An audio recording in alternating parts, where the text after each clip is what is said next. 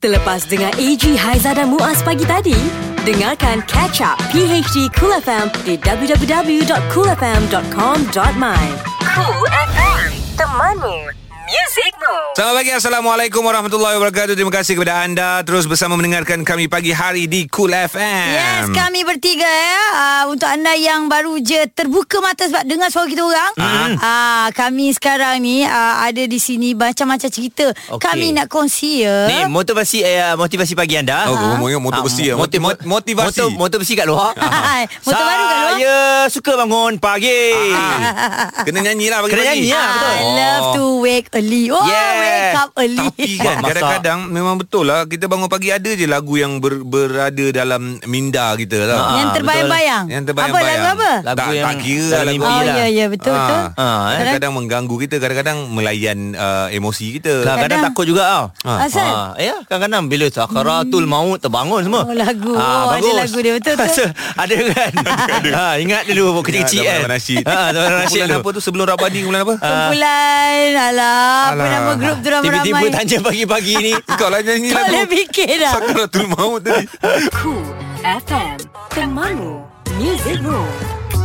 Selamat pagi Assalamualaikum Dan terima kasih kepada anda Bersama kami 8.06 minit pagi Pagi hari di Cool FM Yes, hari Isnin kita mulakan dengan eh, mulakan pula. Kita mulakan dengan borak cool. Ah. Ah, macam AJ kata tadi, ah kita borak cool kan? Borak Ke? Kotak Muzik. Tak ada, tak ada. Hari ni tak ada. Hari ni Kotak Muzik. Kotak Muzik. Tadi AJ dia sebut. Ah. Ah, apa ni artis yang datang ni, Mhm. ah, suara dia sama macam Muaz. Tapi pada Muaz ni aku tak kenal. Yes, yes, yes, yes. Dia- Ramai orang cakap macam tu.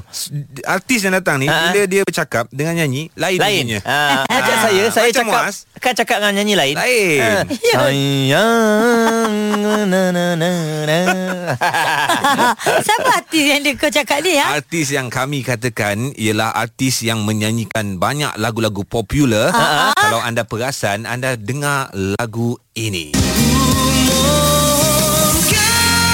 Oh, sebelum ultimate sebelum arah Johar Johari eh. Ha, ha. Ah, dia keluar dulu. Hmm. Dia dah keluar dulu lagu tajuk bunga.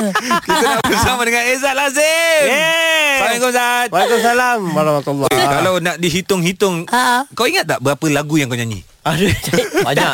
tak ingat lah. Banyak sangat kan? banyak lah. Banyak sangat Beratus eh. Eh, Ya, se- sebelum kita pergi jauh nak tanya, malu tak suara disamakan dengan Muaz? Oi, saya saya saya tak malu sebab saya suka suara Muaz saya. Ah, tapi suara, Ini- suara dia bercakap lah bila dia menyanyi saya tak tahu lagi tak dengar lagi. Aku baru nak cakap ini true friend.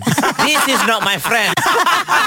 Okey Zat uh, uh, Sebelum ni kita pernah berbual dengan Rahmat Mega tau Dia cakap dia yang mengambil Yang menghidu bakat Izzat Dalam satu pertandingan ke macam mana Betul ke tidak Aku nak nak mensahihkan berita daripada Memang Rahmat nampak, Mega nampak ni. now wanginya saya time tu Semacam Ah. boleh hidu kan ah, Yelah memang sebenarnya memang betul lah Kalau ikutkan memang dia antara yang memberi saya uh, Platform iaitu ruang untuk uh, Masuk dalam industri industri ini mm-hmm. Sebab dia yang kenalkan uh, saya pada anggota Bulan Exist Masa dia orang tak ada vokalis masa tu Oh, masa tu dia nak cari eh. Ah, memang dia, dia pernah tengok saya menyanyi dalam satu pertandingan di di Kedah. Ah, kebetulan masa tu saya menang juara kan. Hmm. Masa tu sama tu kan kalau kita suka buat kad lah name name kad yang macam bagi tempah Ah, ah, yang cetak-cetak dengan gambar kartun gambar, gambar semua. kartun tu kan. Buatlah satu bagi dekat Abang Rahmat.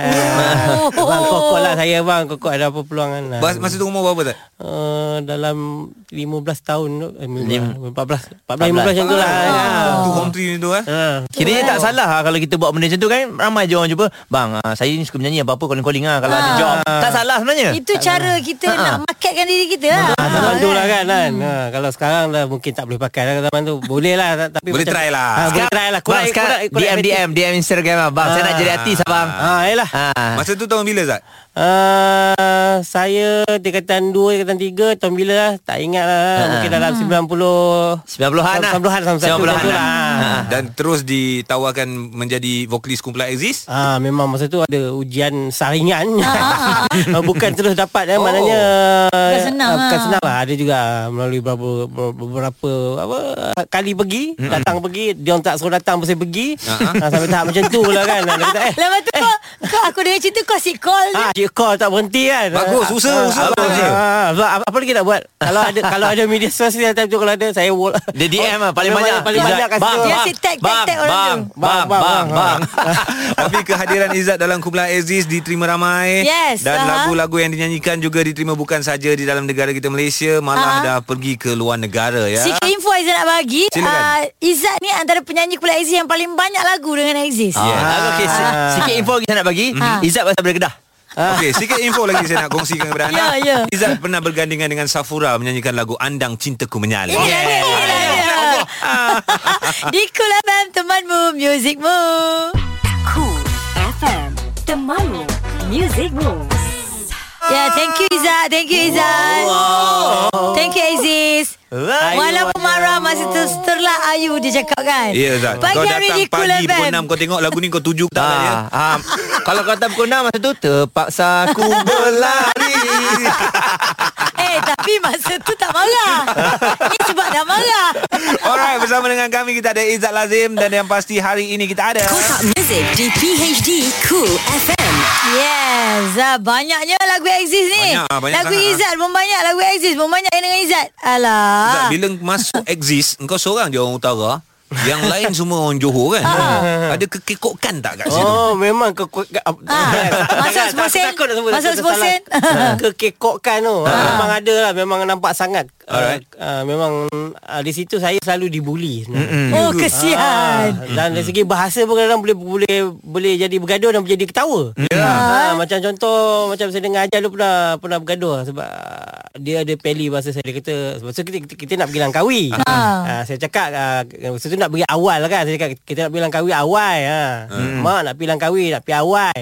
Awal, okey. Waktu Ajal ke, ke, ke pula ketawa. Kenapa kau ketawa je? Orang nak pergi Langkawi dah bukan pergi Hawaii. Dia faham situ kan. Ha, macam saya pula bila dengar dia orang cakap Izzat ki ki ki. Ki ya ki. Ki eh. Ah ge, apa gebor lah apa saya gelak. Apa benda? Tak pernah dengar satu Tapi tak tak kau seorang lawan dia orang Ah, kau tapi kalah. memang saya kalah lah. Memang. Selalu bila ending kan saya juga yang akan Tapi kan Okay itu uh, Itu Izzat dan Aziz. Dan bila melihat Kumpulan Aziz tu sendiri Masing-masing uh, Mempunyai kekuatan Sampailah sekarang kan Betul. Maknanya Aziz ni betul-betul Power. Exist Betul-betul power Oh, contoh macam cap saya pakai sekarang ni kan. Ha. Ha. Ni cap bujang ni ni. Oh, Cap betul. betul lah. Ha, ya? Ha, Oh. ujang kan You. buat ujang buat sendiri ni Syed. Betul aku promo kau jang. eh, tapi korang kena tahu dalam banyak-banyak anggota kumpulan Aziz ni, sa, uh, siapa yang paling rapat dengan Izzat sebenarnya? Ha. Ah, kalau ikutkan paling rapat dengan saya. Ha, ha. Ah, kalau ikut dari dulu saya rapat dengan Along lah. Ha, dengan Along. Along ni sebab dia yalah dia sebaya macam saya. Dan kami pun uh, yalah bila dah sebaya ni bila dah kita uh, membesar bersama membesar bersama ni. Ya, betul lah, kan? uh, mengalami ma- masa remaja bersama. Uh, kadang tu selalu berkongsi uh, idea dan juga Ya. berkongsi cerita lah. Dan juga selalu melakukan perbuatan yang uh, Yelah, Ah, yang baik yang, lah. yang baik ataupun uh, kurang-kurang cerdik bersama jugalah. Masa bujang-bujang dulu lah. Tapi kau boleh kongsikan tak uh, pengalaman uh, betapa hebatnya kumpulan Exist satu ketika dahulu. Ha-ha. Uh, penerimaan di Malaysia, di Indonesia semua eh, Exist besar. Singapore, kot. ha. Singapore. Kalau nak ikutkan daripada se- sebelum saya masuk Aziz memang saya rasa Aziz tu memang satu kumpulan yang hebat lah. Betul. Hmm. Sebab saya tak salah ah yalah saya saya belajar main muzik mm-hmm. sebab tengok konsert Aziz. Wow. Ah, pergi tengok show masa tu dekat dekat Pesta Kedah ah, tengok show Aziz. Mm-hmm. Besoknya saya terus apply nak belajar main gitar sebab saya kagum dengan kebolehan. Memang sebelum tu tak Aziz. reti main gitar Tak langsung? reti main gitar langsung. Oh. tengok show tengok Along main gitar macam wah bestnya dia orang sebaya macam saya. Budak-budak mm. main gitar jadi macam menjadi satu inspirasi untuk saya belajar muzik. Ah jadi nampak besarnya maknanya orang kata apa, pengaruh Aziz tu terhadap saya. Dan bila saya masuk Aziz pula ah, alhamdulillah lah. Tu sebab bila masuk Aziz tu saya suka sangat. Dan kumpulan yang kita uh, ka, sanjung kita kagumi dapat pula masuk kumpulan tu. Jadi macam uh, lupa diri sekejap lah. I rasa jodoh lah. Izzat exist. Yeah. EE kan Ini PHD Cool FM Satu lagi lagu berhantu daripada Exist dirantai di Gelangi Rindu PHD Cool FM. Ya ramai yang hantar WhatsApp Eh WhatsApp pula Yang komen dekat Instagram Yang dia komen ni poster semalam tau Ha. Poster semalam pun Dia punya komen punya Belah banyak Untuk kumpulan Exist ni uh, Ada yang kata Aduh kenapa dimain sekarang Saya Aduh. sudah masuk Sudah mau masuk uh, Office je kap Iya. Ah, Lepas tu ada yang kata Sabar je. Favorite ni Sengah-sengah pun suaranya sedap Abang Ijat Ui, sengah-sengah. Nampak suara sengah Okey, ni lagu bagus. favorite Exist ataupun Izzat Lazim. Zah. Aku Ah. uh, Kalau Exist uh, uh, Kalau Izzat lah Bunga Na na na na na na. Dan alasanmu Oh, Ah. Muaz. Ah? Lagu? Saya dia nak ambil tadi Saya nak ambil bunga tadi Alah, lambat. Banyak kan? Aku banyak lagu sebenarnya pilih lah. banyak lagu tapi aku suka yang yang rare yang tak berapa popular. Uh, Antaranya uh, siapa selain aku? Siapa? Ha-ha. Ada apa kataku kini semua telah ter. Oh ya ya ya Saya suka Jamu gunung berapi Lupa Ah. Terlalu Oh, banyak lagu-lagu hebat daripada Exist daripada Izzat Yes. tapi ada satu ketika Izzat bergerak secara solo. Uh, mengambil keputusan untuk bergerak secara solo ke ataupun special project ke macam mana tu Izzat? Ah sebenarnya saya dibuang oleh Cakap tu terang time tu. Ah sampai amboi. Aduh. Amboi tanpa berselindung lagi. Ah, ah. Tak apa kan? Tak Yalah, apa. masa tu Kan kita, dah kita dah Sejarah. Kita, ada ada uh, kita, kita uh, orang tahu communication breakdown. Alright. Uh, masa tu saya ingat lagi saya duduk kat satu kedai kedai kedai makan. Uh-huh. Buka surat khabar saya tengok ai Aziz buang Izzat. Oh masa tu kau tak tahu. Ah, Aziz, baca eh, dia surat khabar. ada khabar dan masa tu keluar gambar dia orang bersama dengan penyanyi dia orang itu Joey kan.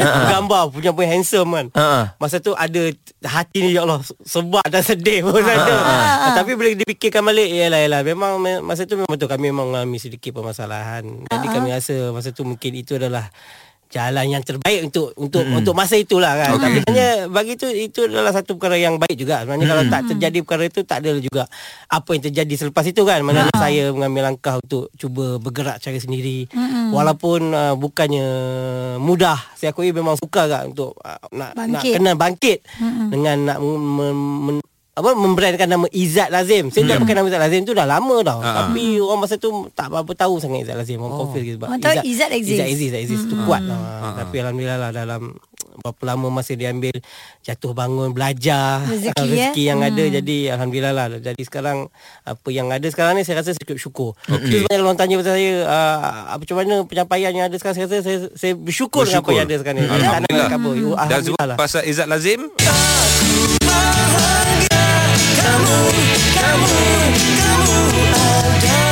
Itu lagu Izzat Lazim ya? Yeah. Cool FM Temanmu, Temanmu. Musicmu Selamat pagi kerana kamu Izzat Lazim. Yes, itu adalah lagu solo Izzat Lazim bersama dengan kami hari ini dalam uh, Kotak Music untuk anda yang baru saja dengarkan. Terima kasih banyak-banyak nak. Yes, yes. Okay. Memang kita tahu semua orang tengah layan lagu-lagu Kumpulan Exist, lagu-lagu Mm-hmm. Izzat yang kami mainkan. Sebenarnya kan kalau nak ikutkan uh, untung apa untung pula kira dia, Mm-hmm. uh, tolak campur memang tak tak boleh cukup satu jam. Yes. Sebab Kumpulan Exist bersama dengan Izzat saja lagu paling banyak. Betul tak Zat? Banyak, banyak. Kalau berbanding dengan Mamat. Mamat Kalau satu album, dua album. Itu sebabnya kalau buat konsert Aziz saya rasa Ha. uh, uh, Pemo kena lebih pada saya. Lagu saya paling banyak. Ya, Ah, yang jadi, suara menggunakan suara ah, Izzat kan. suara saya. Ha. Ah. Sebab uh, kita rasa Mamat uh, sempat Dua album. dua album Dua eh. album. Dua album uh, Lepas tu seterusnya Lepas tu, baru dengan Sampai habis lah album Izzat. Betul. Izzat kan? Dengan Joey pun sempat dua single je. Dua single. Ah, tu Maksudnya dengan Izzat je lah. So, ni memang sama-sama together-together Ma- lah. Maksudnya dengan kau Zat memang ada lagi kaset ke masa masa tu? Ah masa tu masa zaman kaset lah. Ah, zaman eh. kaset lah zaman tu sebab bila saya masuk 1995 mm-hmm. dan saya dengar rasminya keluar pada tahun 2000 2009 macam tu lah. Oh lama eh. Jadi, Ha. ah, dan, dan, dan dihitung itu memang lama dah berapa buah album kita buat.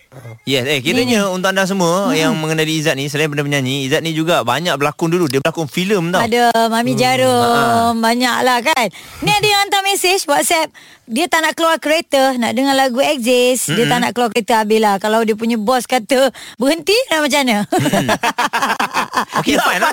Ah, you are fired. Fired. Okey. Sebab dia dengar Izzat eh. Tak apalah. Aduh. ai. Dah tak nak keluar kita takkan kami nak paksa. Terima kasih, terima Thank you, thank you. Kasih. Ah. Ah, kan.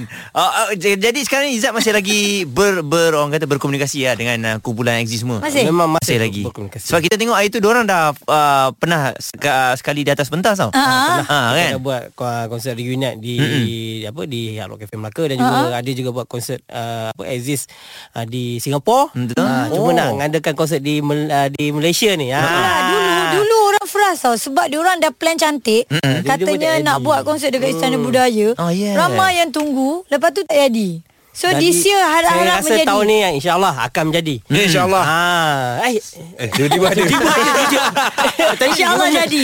Dia manager, tengah, Dia kan? tengah deal Dia tengah deal show. aku, aku tengah ingat keluar tadi Aku pusing-pusing. Lagu apa eh? Dah ingat dah? Lagu apa? uh, Tajuk dia. Demi sumpahmu Ku bina istana Oh dia ni memang minat lagu-lagu Jiwang Aziz sebenarnya Ah, lagu-lagu jiwa Kau banyak. Kau Tersiksa jumpa lagi Izzat? batinku kan Ah. Apa tajuk dia? Tersiksa lagi batinku Oh, okey. Eh, memang kan ikut lagu-lagu Aziz pelik tau. Ah. ada tajuk lagu Pancut, Pancut ke Siling. Siling. Ah, ah. Ah. Okey, jadi untuk anda semua, kejap lagi kita akan uh, bersama dengan seorang pemanggil Ada sebelum lagi, banyak lagi yes. tajuk-tajuk dia. kejap lagi eh. Cool FM. AG, Haiza dan Muaz. Ini PHD Cool FM. Ah, dah borak, dah borak, dah borak. Itu Yes, lagu yes, yes. favorite uh, oh Haiza. God Bunga. Terima kasih Lagu ini Bila kita tanya Kak Izzat Dia Ha-ha. risik-risik Rupanya lagu ini Dicipta oleh Allahyarham J.S. Kevin Ah. Lirik oleh Musa eh. Yes. Luar biasa sungguh lah. Yang pasti hari ini hari Isnin kami berikan kepada anda. Kotak Music di PHD Cool FM. Yes Okay Saya izinkan saya Membaca izinkan saya. Saya izinkan saya. Oh, minta maaf. Silakan, Kami silakan, saya mau izin. Nak membaca WhatsApp ni.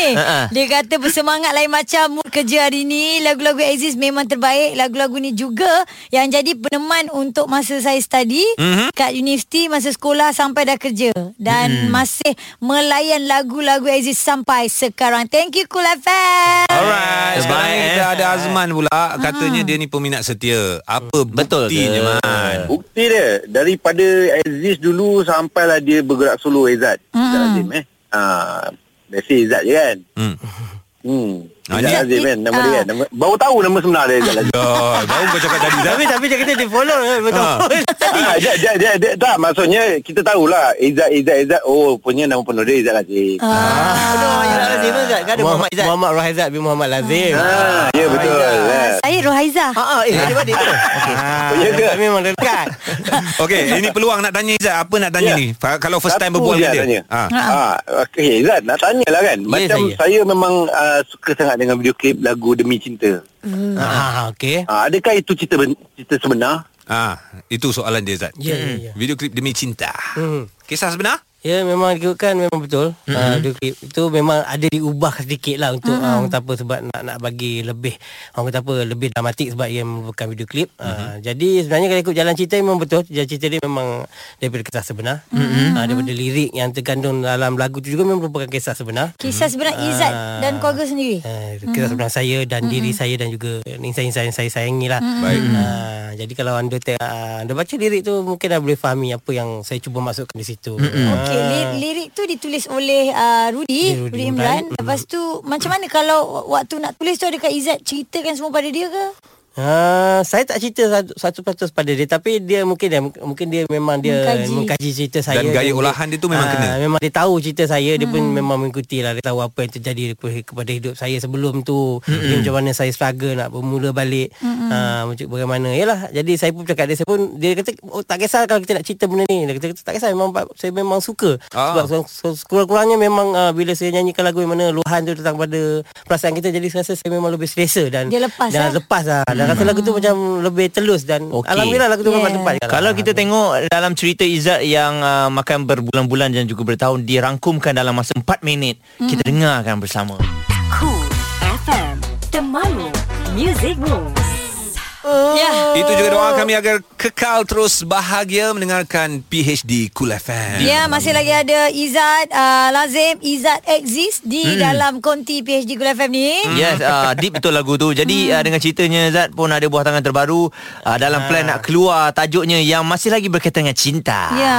Ha ah. Tajuknya kesetiaan cinta Okey. ha? lepas ni akan menyusul pula luahan cintaku Oh dah banyak lagu dah standby dah ni. Dah standby ni ha. Dia diam-diam dia simpan kuku kot. Ah. Tak sangka pula kita dah sampai penghujung Izzat mungkin, mungkin boleh uh, kongsi apa projek um, maybe bersama dengan Exist ke Okey. ataupun ada bau-bau nak, Ah, nak bersatu tahun ni balik ke. sebenarnya banyak projek yang uh, insyaAllah akan kita laksanakan dengan jayanya mm-hmm. dan antara perancangannya oh terkejut saya Ah. itulah uh, insyaAllah kita akan keluar macam saya kata keluar single uh, dua single insyaAllah kita cuba keluarkan dalam tahun ni juga mm-hmm. dan perancangan untuk menghasilkan uh, duet mm-hmm. sama dengan seorang penyanyi lelaki yang tengah meledak sekarang ni pun dalam perancangan juga Aku Kita dah- macam tahu siapa Ah, ni. kita dah ada buat meeting dan kita dah ada lagu Aiman Tino. Ah. Cuba kita nak menunggu masa Bukan, yang bukan. sesuai. Kan, ada, Kita ada, tunggu ada. ni sebenarnya projek ni insyaallah akan Oi, baik, akan menarik. jadi dan juga uh, itulah konsert reunion exist. Ya, itu itulah yang kita nanti juga tu. dalam tahun ni. Yes. Rancangan tu dah ada dan kita doakan semoga semua berjalan dengan sukses dan juga Lancar. uh, lancar. Saya saya ada ni boleh tak? Saya ada permintaan. Request. Ya, ya. Boleh tak buat satu single Rohaizat Rohaiza? Ha? Saya Rohaizat Rohaiza. Sebenarnya teringin juga dah Ha. lama lah. Korang dah- kawan Dah baik kot. dah, aku tapi tapi nak cakap. tapi dia, dia tak nak dia tak Eh, nak duit dengan saya. pula tak Dia kata dia dia, dia Eh, busy. kau tak payah cakap. Dia, dia kata dia busy lah apa. Mana? Tak ada tak ada. ia merupakan satu gabungan suara yang tidak serasi lah. Oh ya. Hey. Tak saksi eh? Hey, Tak boleh. Eh, cuba aku tanya apa khabar. Ah, kalau dia Macam uh, gabungan duet dua lelaki. Terima kasih Izzat Lazim di Kul FM. Tolak topok lah sikit okey. Cool FM Temanmu. Music Room. 5 yang trending. 5 yang trending. Bersama PHD Cool FM Alright, kita akan mulakan dengan nombor. okay. 5 Ini uh, kisah mengenai sebanyak 68 rumah termasuk kuartus guru musnah dalam uh-huh. kebakaran di kampung perpaduan Kerakit uh, di Pulau Bangi. Uh-huh. Jadi uh, kejadian kira-kira 3 petang itu menyebabkan kira-kira 250 penghuni tinggal selai sepinggang uh-huh. namun tiada uh, mangsa dilaporkan uh, cedera ya. Uh-huh. Uh, jadi alhamdulillah uh, dan uh, juru cakap pusat gerakan operasi Jabatan Bomba dan Penyelamat uh, berkata seramai 16 anggota bomba dikejarkan ke lokasi. Ya. Oh ya, baik. Itu di Sabah ya. Mm-mm. 4 Alright, ini pula di Melaka. Ah, tak ada apa tu. Dia punya dialog kan. Cuba cari tanah hitam. Oh. Itu alasan digunakan seorang daripada tiga lelaki yang dipercayai menanam janin Allah. bayi di sawah padi di Bukit Rambai Melaka semalam ya. Dan tembelang kumpulan lelaki berkenaan bagaimanapun terbongkar apabila perbuatannya dice, dicurigai oleh seorang penduduk kampung. Ah, dan salah seorangnya penduduk kampung itu berkata dia tidak menyangka tindakannya untuk menukar lokasi mencari rumput untuk angsanya membawa kepada penemuan kumpulan lelaki berkenaan. Ish. Dan uh, Ketua Polis Daerah Melaka Tengah uh-huh. uh, ketika dihubungi mengesahkan menerima uh, laporan ini dan katanya sekarang ini pasukan forensik sudah ke lokasi kejadian. Itulah orang kata kalau dulu orang cakap jangan sibuk jaga tepi kain orang kan. Ah, Tapi uh, Kena perlu kot. juga perlu Betul. juga tengok-tengok sikit-sikit, eh. Tengok-tengokkan. 3 Alright, ini cerita tentang Helang Merah Julang Uh-uh. Unity Shield 2009.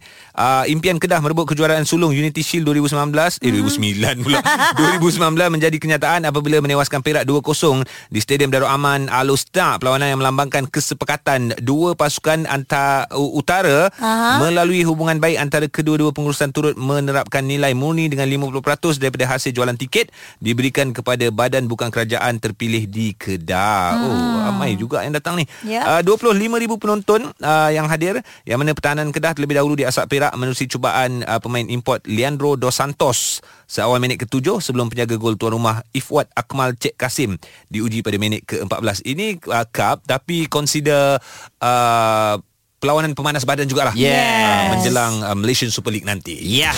2 Okey, ini kisah mengenai uh, Al-Azhar buang pelajar wanita peluk lelaki eh. Nifty ya. Ah, ini universiti ni telah menyingkir seorang pelajar wanita selepas beliau kelihatan dalam video memeluk rakan lelakinya. Uh-huh. Selepas uh, disifatkan menjejaskan reputasi sekolah itu ya. Jadi video yang tular awal bulan uh, ini menunjukkan seorang pemuda membawa jambangan bunga uh-huh. sedang melutut di hadapan seorang wanita muda dan uh, kemudian memeluk beliau dalam apa yang kelihatan seperti satu lamaran perkahwinan lah. Okey. Jadi video itu tidak dirakamkan di Al-Azhar tetapi di sebuah institusi lain iaitu di Universiti Mansara di utara Mesir. Oh dia Ah. dia Dia pelajar sana. Oh, Ah. kejadian itu tidak berlaku di Al-Azhar. Betul. Tapi dia student Al-Azhar. Yes. tak boleh lah kan. Ah, jadi nak tak nak uh, disiplin kata kita kena singkirkan. Alright. Singkirkan lah. Bye-bye. Siapa suruh buat macam tu? Hmm. 1 Alright, yang ini pula selepas Rosa, Ismail Izani pula dikecam muat naik gambar senjata api. Ha. Selang beberapa hari selepas penyanyi negara seberang Indonesia dikecam gara-gara memuat naik gambar memegang senjata api, Mhm. hari ini pula uh, Ismail Izani yang kena lah. Menerusi ruangan komen ada segelintir netizen yang menitipkan kata-kata nasihat kepada penyanyi tersebut supaya memadam gambar itu kerana boleh menimbulkan spekulasi dan persepsi negatif. Ingat apa ya. saja yang kita nak masuk atau upload di laman sosial semua semuanya kita kena fikir. Ya, Ya. bukan Jangan saja fikir artis. kita, kena fikir orang. Ah, bukan Ah. saja artis, ah, kita sebagai individu pun kena fikir jugalah apa yang kita nak upload, Betul. apa yang kita nak tulis, so Betul. tidak mendatangkan kemarahan kepada orang lain dan tidak juga mendatangkan kes, kesusahan kepada diri Ah, kita. walaupun Benar. rasa macam untuk syuting je, Ya. ah, asal saja post je tak boleh eh. Boleh. Okey, itu dia lima yang trending kita pada hari ini dan jangan ke mana-mana dalam jam berikutnya kita ada seorang artis Yes. yang mempunyai suara ala-ala Muaz. Wah. Bukan suara dia. Dia suara Muaz. Aku tak kenal siapa kalau macam dia punya. Tak kenal. Tak kenal. Eh, penat nyanyi. Cool FM Temanmu Music Moves Yang panas Lagi hangat Ouch Lidah pedas Lidah pedas Bersama Sister Cool Halo, halo, halo. Kopio Mila. Sisterku kembali ha. Apa semua? Weekend hari tu pergi mana? Duduk rumah je ke? Ke ada berjalan daripada pagi sampai ke malam? Oh my god, oh my god. Seronok hidup korang. Dan hari ni sisterku nak bakal cerita mengenai seorang selebriti wanita ni yang dikatakan asyik aim pemain bola je. OMG. Kalau minggu lepas story sister pemain bola sound pelakon. Ah, hari ni cerita pula seorang selebriti wanita ni asyik usah-usah pemain bola je. Kejap-kejap kita tengok dia lepak dengan pemain bola sana, kejap-kejap kita tengok dia lepak dengan pemain bola sini. Oh, seronoknya dakwah sister. Dapat budak-budak sport je. Sedap kan eh? Sedap apa tu? Sedap mata memandang. Yelah, pemain bola sekarang pula semua stok-stok level-level selebriti. Ha, macam artis followers ratusan ribu followers. Kalah kita yang bercakap-cakap dalam studio seorang-seorang ni.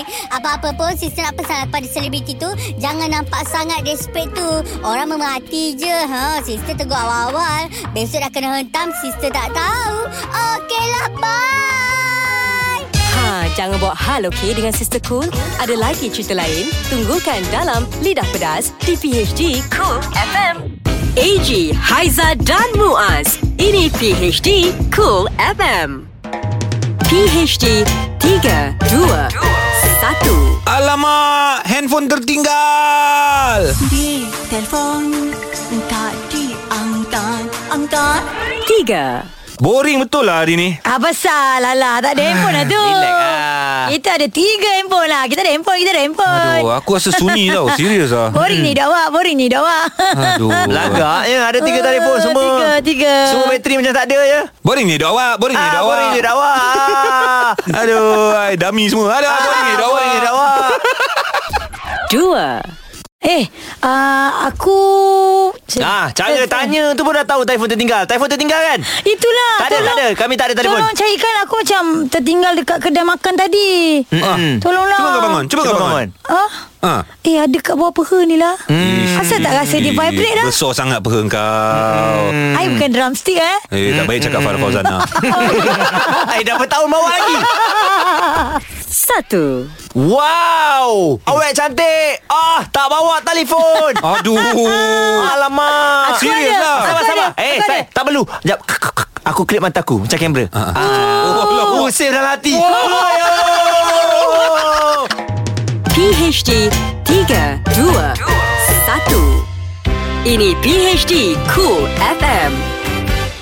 AG Haizat dan juga Muaz menemani anda hari ini dah hari Isnin dah pun 14 Januari 2019 pagi hari di Cool FM. Alright, kami dah kata yang kami akan kongsi macam-macam cerita dan ini semua orang tahu dah ya. Mm-mm. Kisah seorang pelajar dan juga kerbau. Ya. Alhamdulillah Aha. syukur hari ni hari Isnin. Alhamdulillah. Ya. Tapi yang syukur. kami nak kongsikan ini namanya syukur Kamis. Oh, ya, Adik ya, syukur. ya. Umur Adik syukur. dia 14 tahun. Ya, Yes. dikenali sebagai Mowgli Malaysia. Ya. Ah, dia telah menerima anugerah pelajar unggul. Oh, yo, Ya. dahsyat. Ada petikan tau untuk kita dengar bersama. Jom. Sifatnya ramah bukan sahaja dengan rakan malah terhadap haiwan peliharaan. Dianggap satu dalam sejuta hingga melayakkan pelajar tingkatan dua sekolah menengah Padang Midin menerima anugerah berkenaan. Menurut anak bongsu daripada lapan beradik itu, dia tidak pernah menyangka akan mendapat perhatian sebegini namun berharap dapat menjadi contoh kepada rakan-rakan lain. Katanya dia amat berterima kasih kepada semua pihak terutamanya cikgu di sekolahnya kerana ini adalah kali pertama dia menerima anugerah sebegini. Ya, tahniah syukur dah viral dapat anugerah. Mm-mm. Tak Betul, viral ah. sikit tak dapat lah.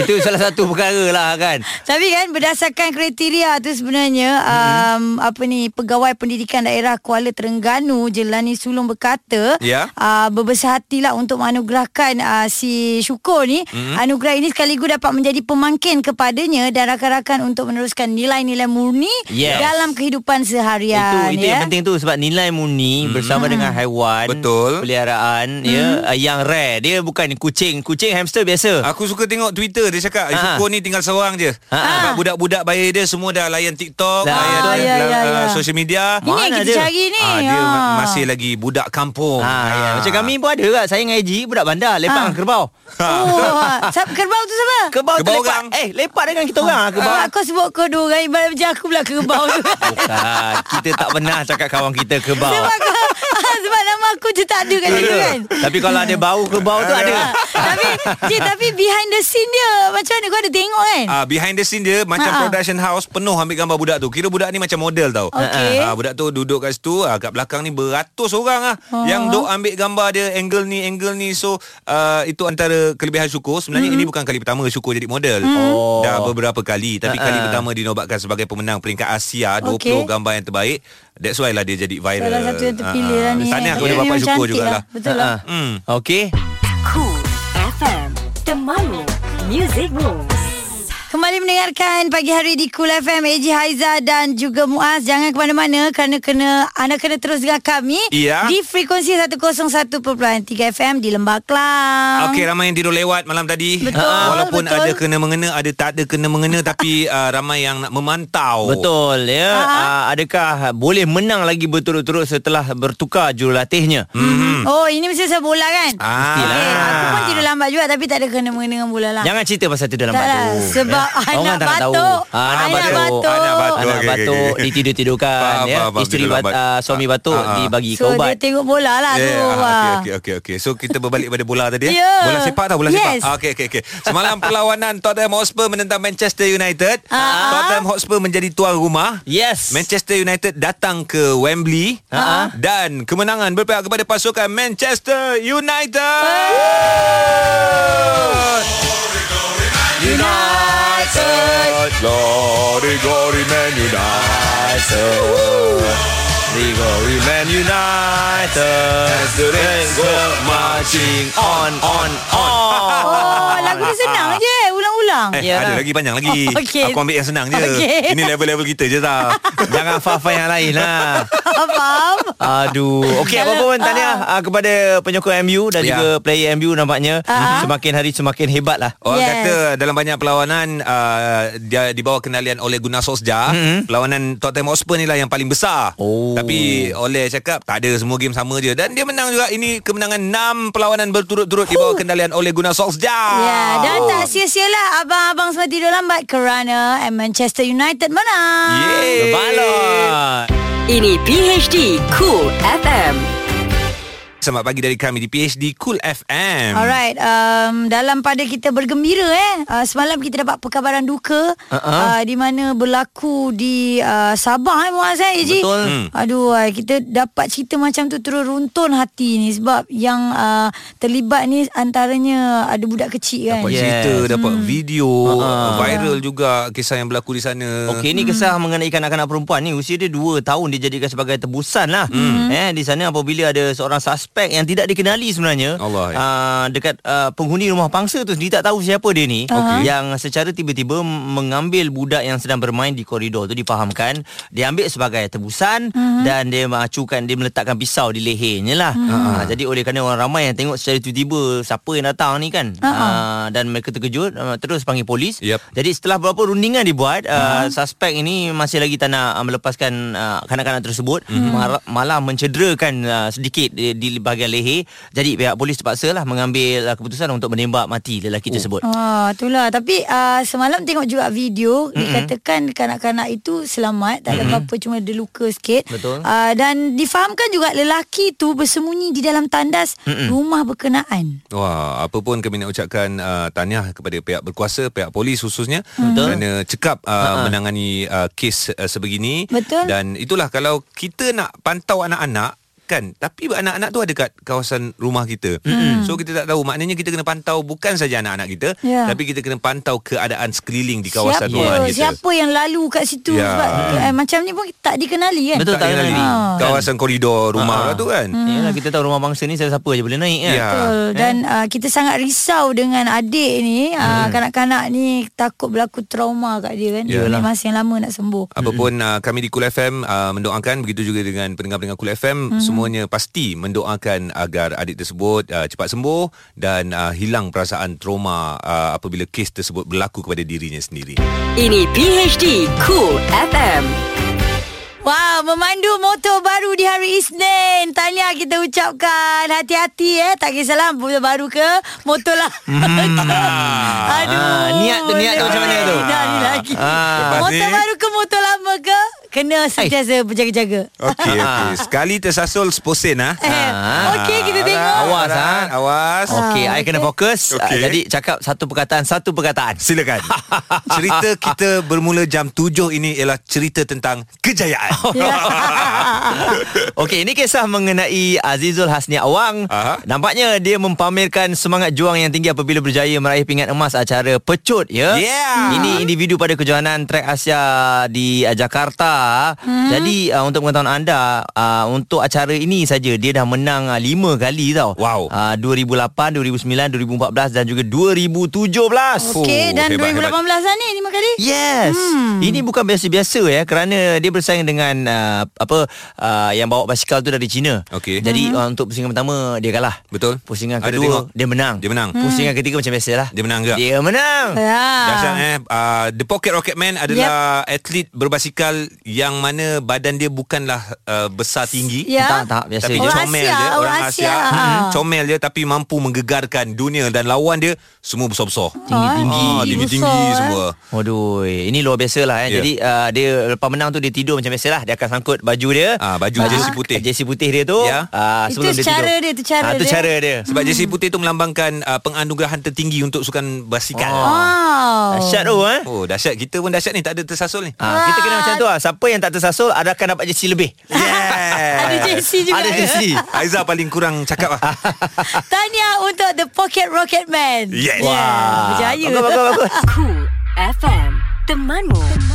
Musicmu. Bersama kami pagi hari di Cool FM. Alright Tak lama saja lagi Malaysian Super League Akan uh, mula beraksi bulan uh-huh. Februari Yes. Ya. So uh, banyak tim yang dah muncul dengan uh, jersey-jersey yang baru mm-hmm. dan yang mengambil perhatian uh, rakyat Malaysia antaranya JC JDT. Ya, Ya. tengok ah, dia siap tunjuk kan dia punya dia punya spek dia yang macam uh, yang ini apa maksud hmm, dia, hmm. yang ini pula yang daripada Amerika buatan dia. Oh, Ya, dia dahsyat tempah kan. khas uh, dari Amerika Syarikat mm-hmm. untuk jersey yang disponsor oleh Nike sepenuhnya. Uh, jersey tersebut uh, bukan saja dipakai oleh pasukan JDT malah JDT 2, mm-hmm. JDT yang yang bawah-bawah JDT 3, budak-budak. sama lah. Ah, jersey yang sama. Dan yang menariknya selain daripada jersey rasmi biru merah, Okey. Jersey kedua JDT warna ungu uh-huh. diilhamkan uh, daripada kenderaan Tengku Mahkota Johor wow. yang berwarna purple warna ungu. Tapi Okey. kan uh, macam dia dia ada beza-beza kan untuk uh, baju apa penyokong Uh, Kan? play, player, Player? Player issues? player issues dengan yang dia jual lah berbeza. Kalau Ah. player issues